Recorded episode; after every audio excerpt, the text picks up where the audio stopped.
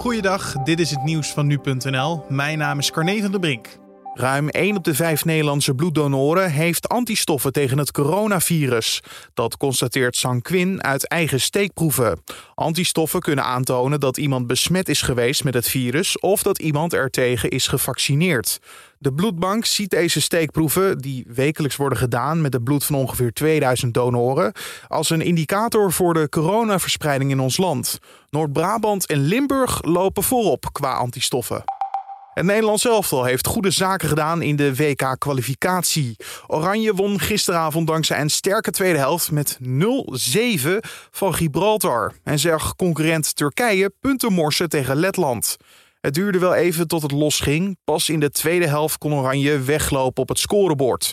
Bondscoach Frank de Boer was blij met de vele doelpunten, maar niet met de stroperige wedstrijd, zo zei hij tegen de NOS. Die zeven goals ben ik heel, heel wat tevreden over, maar het is bijna anti-voetbal. Als, als je dan maar goed, dat weet je Frank, elke, toch? Ja, maar elke keer als er dan iemand bijna iemand aanraakte, dan ging die hele Ja. bank weer te keren. Maar daar was je niet verrast door, toch, hoop ik? Nee, maar je wordt er wel een beetje moe van. Ik ben blij dat deze achter de rug is. Wel minder goed nieuws voor Daley Blind. Hij moest het veld verlaten nadat hij waarschijnlijk een zware enkelblessure opliep.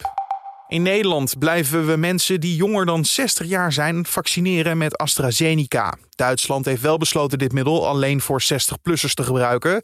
Dit vanwege zeldzame, maar zeer ernstige bijwerkingen. Die kunnen optreden, zoals bloedstolsels in het hoofd.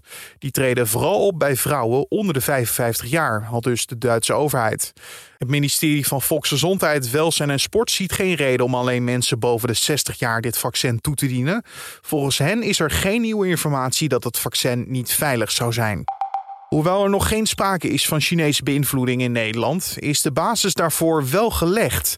Het is nu de zaak dat de regering maatregelen neemt om de invloed te beperken.